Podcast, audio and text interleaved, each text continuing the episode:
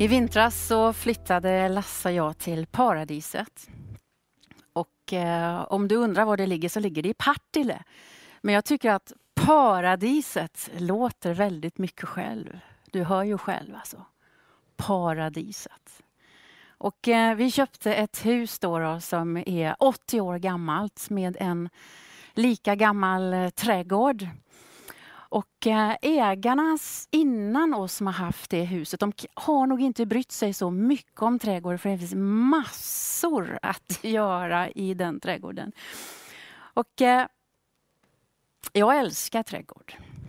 Och vi har bott i lägenhet ett antal år nu, Lasse och jag, så det liksom kliar i mina fingrar att stoppa händerna i jorden och odla. Jag samlar på mig massa energi. Därför att jag tror inte ens grannarna vet alltså hur jag ser ut om de möter mig på gatan. För jag står, mestadelen står jag med huvudet ner och rumpan upp. Va? Och jag gräver och jag river och jag rensar och jag sågar, tar bort ogräs och känner att mm, det här är ganska nice alltså. Och jag vet inte hur det hände. Men plötsligt så hade jag köpt en massa fröer på Tradera. Du vet, Tradera är sån här eh, auktionsställe på nätet. Och alltså bara inom några veckor så hade jag ungefär 2000 fröer här va? som jag hade kammat hem på auktioner. Hur nördig kan man vara? När mina kollegor hörde detta jag ska kanske inte nämna namn, men det börjar på Thomas och slutar på Sjödin. Så sa han, är det inte risk nu för att paradiset växer igen? sa han. Men jag tror faktiskt inte det. Därför att jag har aldrig sått ett frö i hela mitt liv. Alltså. Jag vet ingenting om försådd, direktsådd och hur man ska göra. Och här står jag med ungefär 2000 fröer. Och du förstår att när man tittar på bilderna så är de så fina. Här har vi, här har vi blåklint som är nästan svart, va? Blackboy. Här har vi lavendel, Hidcot Blue som doftar lite bättre. Och här, har vi, här har vi Coral Leaf, det är en orientvallmo. Det är, det är som den här faktiskt. Lite ljusare kanske. Det är massa fröer som jag har investerat i. Och det är inte fröerna i sig som är så intressant, utan det är vad de här fröerna kan bli. För i den här boxen som jag har är det massa godsaker och massa skönheter. Här till exempel, ser du den? Här har jag koriander. Kan du gissa hur många frön det finns i den här pyttelilla påsen? Ja, du får titta noggrant. Det är 500 frön. Var du ens nära? 500 frön i den här påsen och det blir alltså 500 plantor som i sin tur sätter massa, massa frön. Och jag vet att det ser inte mycket ut för världen när man ser de här fröna. Va? Men det vattnas i munnen på mig när jag håller dem i mina händer och lägger dem i jorden.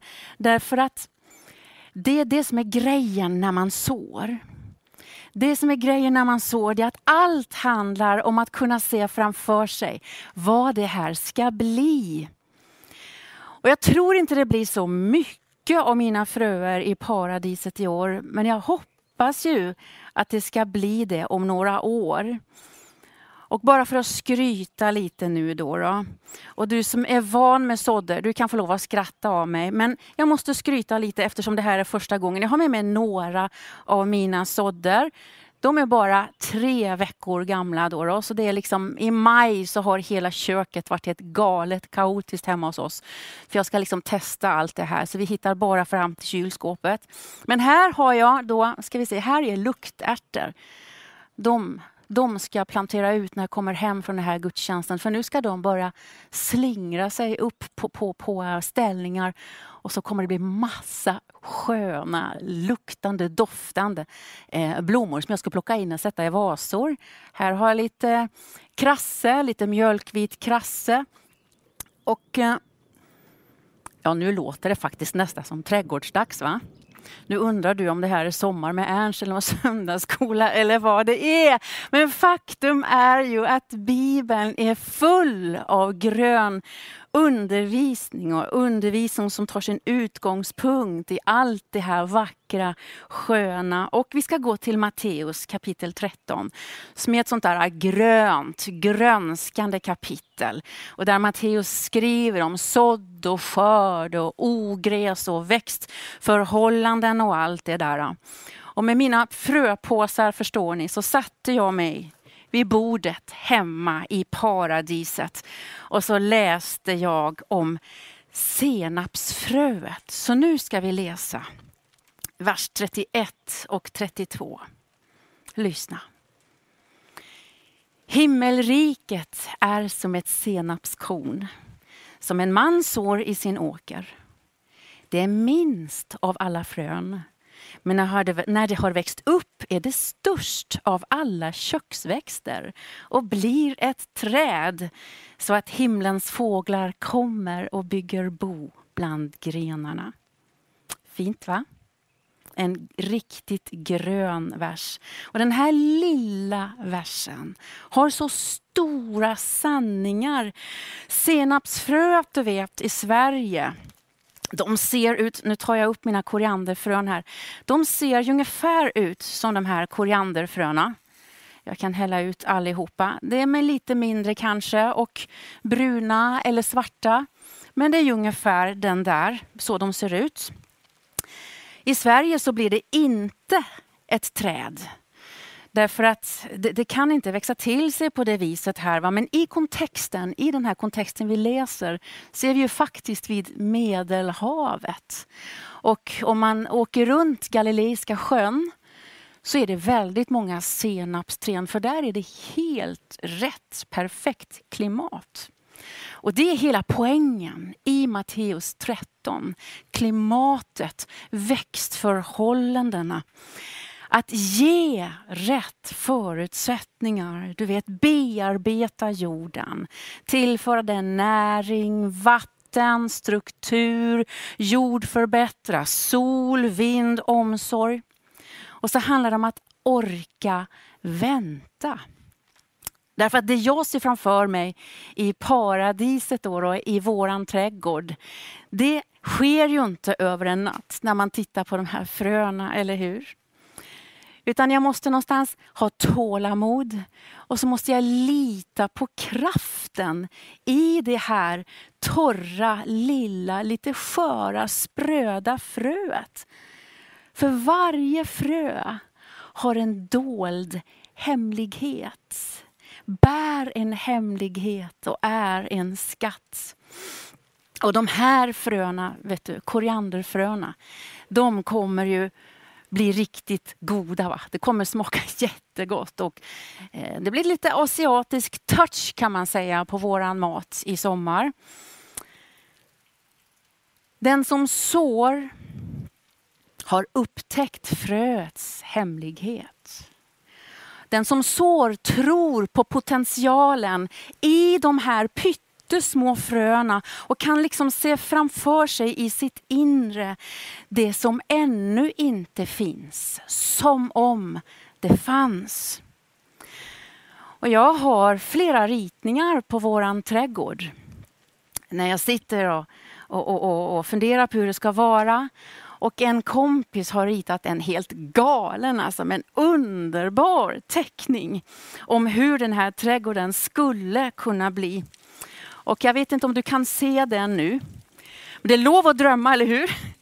Det är faktiskt lov att drömma. Och de här fröna då, då som verkar till synes så otroligt små och kraftlösa. De är själva utgångspunkten för det som är min dröm. Men jag tittar i boxen. Jag har aldrig sått förut, jag vet ingenting om detta, hur det går till egentligen. Då undrar jag, är det möjligt? Kommer det här att funka liksom? Men du vet att Bibeln varnar oss för att underskatta det lilla. Bibeln varnar oss för att undervärdera det blygsamma, det diskreta, det anspråkslösa. Du förstår att Gud är inte ett dugg beroende eller imponerad av vårt CV. Han är inte beroende av vår styrka, vår förmåga. Det avgörande är inte storleken. Det är inte prislappen eller utseendet. Vet du vad det avgörande är? Det är att man känner till fröets hemlighet. Att man vet vad som finns i de här pyttesmå fröna. Osynliga. Och när vi läser Bibeln då, då när vi läser kyrkohistoria, så är det som om det gång på gång verkar som om bärarna av de här fröna, bärarna av Gudsriket, de är liksom alltid för små, för svaga. De är så vanliga, vardagliga, obetydliga, anonyma. Allt det där som du sitter och tänker att det är bara du som är. va? Så visar Gud igen och igen och igen att det handlar ju inte om oss. Det handlar om honom. Och du vet att fortfarande, jag då som har levt liksom så länge, efter många år med Gud, så måste jag påminna mig själv. Alltså, det handlar inte om dig Annie Det handlar inte om vad du kan få till eller vad jag inte kan få till. Därför att evangeliets kärna, förstår du, det är detta det är att där våra krafter bleknar, där vår förmåga tryter, just där tar Gud vid. Just där går Gud in som en aktör. Där gör Gud under och där visar Gud med glädje vems makten är, vems möjligheterna är och vems kraften är. Vi säger ju detta. Kanske ibland utan att tänka så mycket på det. När vi ber den här bönen, Fader vår, vad säger vi då? Jo, vi säger ditt är riket, din är makten, din är härligheten. Och så avslutar vi och säger i evighet. Vad betyder det? Jo, det betyder att det alltid varit så. Och det kommer alltid att vara så, förbli så. Och så sätter vi punkt bakom det och säger amen, som betyder det är sant. Vad betyder det för dig? Och vad betyder det för mig? Jo, men det betyder att din svaghet, din litenhet, mina tillkortakommanden är alltså inte ett hinder för Guds rike. Och i den här tvärtomriket som Guds rike ofta är, så är det tvärtom. Det kan faktiskt vara så att min litenhet och din tillkortkommenhet är en väldigt, väldigt bra förutsättning och god jord för Gud att arbeta i. Du vet att aposteln Paulus, han, han skämdes för sin svaghet. Han gav, bad Gud befria honom från hans svagheter. Och så kommer Gud och ger honom ett svar. Och det svaret är inte bara till Paulus, utan det svaret är till alla oss som går och känner på våran svaghet och litenhet. Vet du vad Gud säger? Min nåd är nog för dig, för min kraft fullkomnas i svaghet. Det kunde ha stått och Gud kunde ha sagt att min kraft kommer lite till syne i din svaghet. Eller den blir synlig ibland i din svaghet, men det står ju inte så. Det står att den fullkomnas den fullkomnas i din svaghet. Jag måste ta på den här vallmon. För det är, en det, det, det är liksom de, nästan de minsta fröna som vi arbetar med överhuvudtaget. Men blir den här skönheten. För att fröet har en inneboende kraft. Det är fröets hemlighet. va? Och när det fröet läggs i jorden, när det vårdas, så kommer det att visa sin storhet. Det kommer inte på en gång. Så du får inte ha bråttom, vara otålig. Det behövs tid, vatten, näring, värme, god jord, sol och vind som jag tror vi hör här utanför nu. Va? Det behövs en trädgårdsmästare helt enkelt. Och det jag säger idag då, då midsommarhelgen, nu när liksom grönskan på riktigt sätter fart och bara vittnar runt oss om växtkraft. Det är att Guds rike i dig har förmåga att växa till någonting mycket, mycket större än du ens vågar tro. Än du ens kunde fantisera om. Än det du själv skulle kunna prestera. Därför att det står i Bibeln i Psaltaren då att den som har Guds ord och Guds ord är fröet, evangeliets frö. Han är som ett träd planterat vid vattenbäckar som bär frukt i rätt tid, vars löv inte vissnar. Och allt han gör, det lyckas väl. Detta är bra grön undervisning. va? Senapsfröet då, då, som vår text i Matteus handlar om, det är ju en ört, alltså en krydda. Och Jesus säger om just det fröet, att när det har växt upp, det här minsta fröet, så är det störst av alla köksväxter och blir ett träd. Så att himlens fåglar kommer och bygger bo bland grenarna. Jag tror ju att Jesus vill säga oss någonting så här att Guds rike alltid har mer. Att Guds verklighet alltid är större Alltså inte för att Guds verklighet är en flykt för oss bort från verkligheten. Nej, Guds verklighet kommer och utvidgar och expanderar vår begränsade verklighet för att den har flera dimensioner som finns fast de inte syns. Och när Bibeln då, då utmanar oss, utmanar oss att inte stirra oss blinda på våra svagheter och våra förutsättningar eller förmågor så är det för att Gud själv är med och agerar. Han är den yttersta aktören.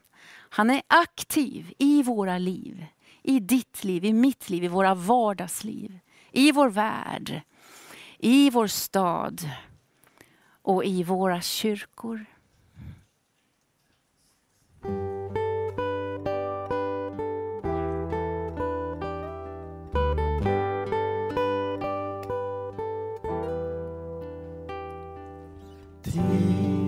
Ett möte när aftonen svalkas Samling i bönens hus. Ande från Gud in i tiden och rummet. Gud i ett stillhetens hus. Para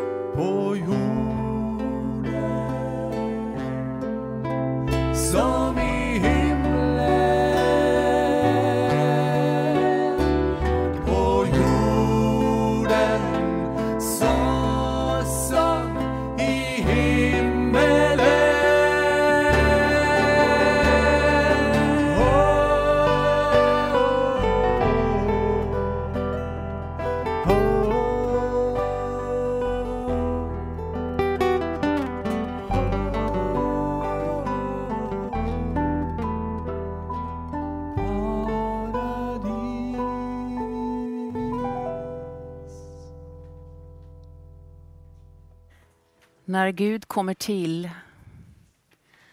så får vi överraskande resultat. Överväldigande resultat. För det är inte vi som står för växtkraften. Det är inte vi som producerar. Vi behärskar inte livet. Det påminns vi om igen och igen. Utan vi förvaltar, vi vårdar, vi vattnar, vi ger näring, ger växtvillkor. Men det är Gud själv som har lagt ner det här undret i varje litet frö.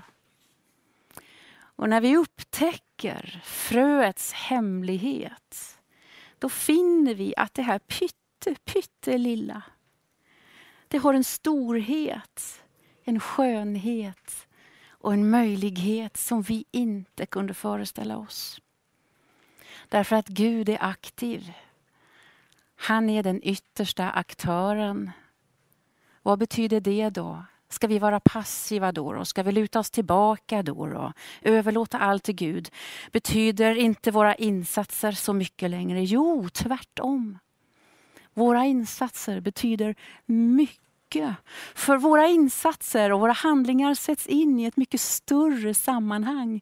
Ett större perspektiv. Och det är när jag läser mitt liv i ljuset av Guds rikes närvaro i det här lilla då får det konsekvenser för mig, faktiskt hur jag ser på mig själv. Det får konsekvenser för mig hur jag pratar om andra. Hur jag beter mig på jobbet, hur jag vårdar min familj, hur jag är. Därför att det betyder inte i första hand så här att vi måste göra nya saker. Kanske handlar det allra mest om att göra samma saker fast på ett nytt sätt med ny kärlek, med nya motiv eller en ny attityd. Insikten om att Guds handlande interagerar med ditt handlande. Den insikten är väldigt mycket viktigare än din och min förmåga och vår kompetens. Bonden han lägger ju sådden i jorden vi sår våra frön då, då. Här har jag sått mina som jag vattnade lite nu. Men så kommer Gud själv med livets under och ger växt. Och absolut allt vi ser omkring oss nu. Till och med det här regnet gör jorden, växtligheten så gott, är en gåva och en del av livsundret och livscykeln. Och allt det här sköna gröna som smakar, sprakar, doftar vittnar om livets Herre. Sen då, då så får ju både bonden och du och jag glädjen att skörda, att smaka, att göra fint hemma, dekorera, njuta. Och Gud, Fader själv, han är alltså den yttersta yttersta aktören som har gett de här små fröna kraften, den inneboende kraften. Så ska vi avsluta. Guds rike, himmelriket, börjar i det lilla. Så slår det rot och då växer. Guds rike kommer alltid underifrån som en varm, skön inbjudan. Det kommer aldrig uppifrån som ett maktanspråk.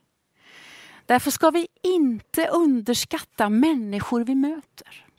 Underskatta inte samtalen du har på fikarummet eller samtalen du har med vänner när du sitter på ett café i stan eller när du hjälper grannen klippa gräsmattan. Underskatta inte det, för hur litet fröet än är så ska vi inte underskatta växtkapaciteten. För när Gud är färdig kan det vara just det fröet som är trädet som ger både skugga och vila för andra. För Jesus säger själv att det mogna trädet är en tillflykt för himlens fåglar att stifta bo i. Alltså det är en tillflykt och kan vara en tillflykt för andra människor. Att finna vila, att finna trygghet, att finna tillhörighet. Ja, faktiskt att finna ett hem. Och nu har jag sått mina sådder. Jag ska plantera ut dem och medan jag väntar på liksom att de här ska börja klättra nu på alla mina rostiga ställningar så utmanas vi att tänja våra gränser. Vad då, då? Vad menar du nu? Jo, men vi utmanas att räkna med det som finns men inte omedelbart syns. Vi utmanas att stretcha vår tro. Tro, ja men det är ju lite jobbigt ord ibland. Va? Därför att hur ska man tro och vad ska man tro och hur mycket måste jag tro för att det ska funka? Och måste jag ha kompromisslös tro på anabola steroider? Ja, men det är just i den skärningspunkten som cirkeln slut kring undervisningen om senapskornet. Därför att i Matteus 13 då, då, så läste vi att Guds rike finns i det lilla senapskornet. Men om vi bläddrar oss lite bakåt, bara några kapitel till kapitel 17, så läser vi det här. Lyssna nu, för det här är viktigt. Om ni har tro bara som ett senapskorn ska ni säga till det här berget, flytta dit bort. Och det kommer att flytta sig. Ingenting kommer att vara omöjligt för er. Och där var det igen. Kraften i det lilla fröet. Det ligger i det lilla. Därför att stort börjar smått. Du har lyssnat på en predikan från Smyrnakyrkan i Göteborg. Hjärtligt välkommen att lyssna igen eller besöka Smyrnakyrkan. Gud välsigne dig och din vecka.